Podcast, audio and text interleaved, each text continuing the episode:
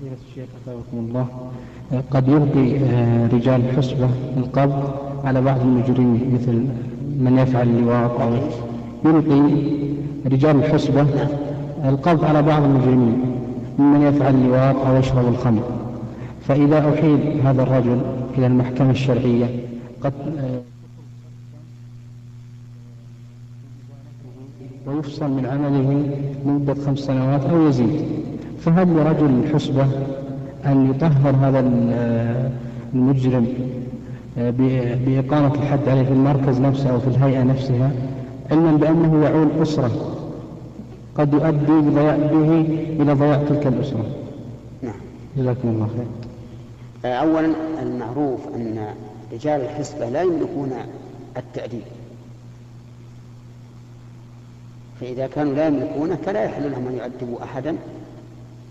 بدون إذن من ولي الأمر. ثانيا إذا قبض على مجرم فينظر هل هذا المجرم ممن عرف بالشر والفساد؟ فيجب أن يرفع إلى ولي الأمر وإن ترتب عليه ما ترتب. وعائلته قد كتب الله برزقهم وما من دابة من الأرض إلا على الله رزقها أما إذا كان الرجل ليس معروفا بالشر والفساد ورآه من المصلحة أخذ التعهد عليه. وإطلاق وإطلاقه.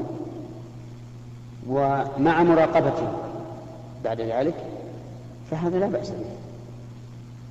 لأن مسائل التهم ليست لا لا تستوجب الحدود الشرعية حتى يقال إنه لا يمكن إسقاط الحد. إنما تبيح التعزير والتعزير إذا رأى من له الأمر أن يخفف عنه لمصلحة شرعية فلا بأس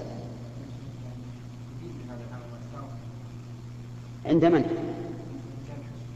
أي حتى لو أريد إذا كان لا يمكن لا يمكن أن, أن لا يملكون أن يؤدبوكم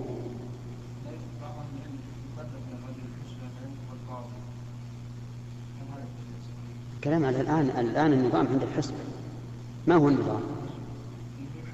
أي ما لهم حق ويضربون ولا مرة واحدة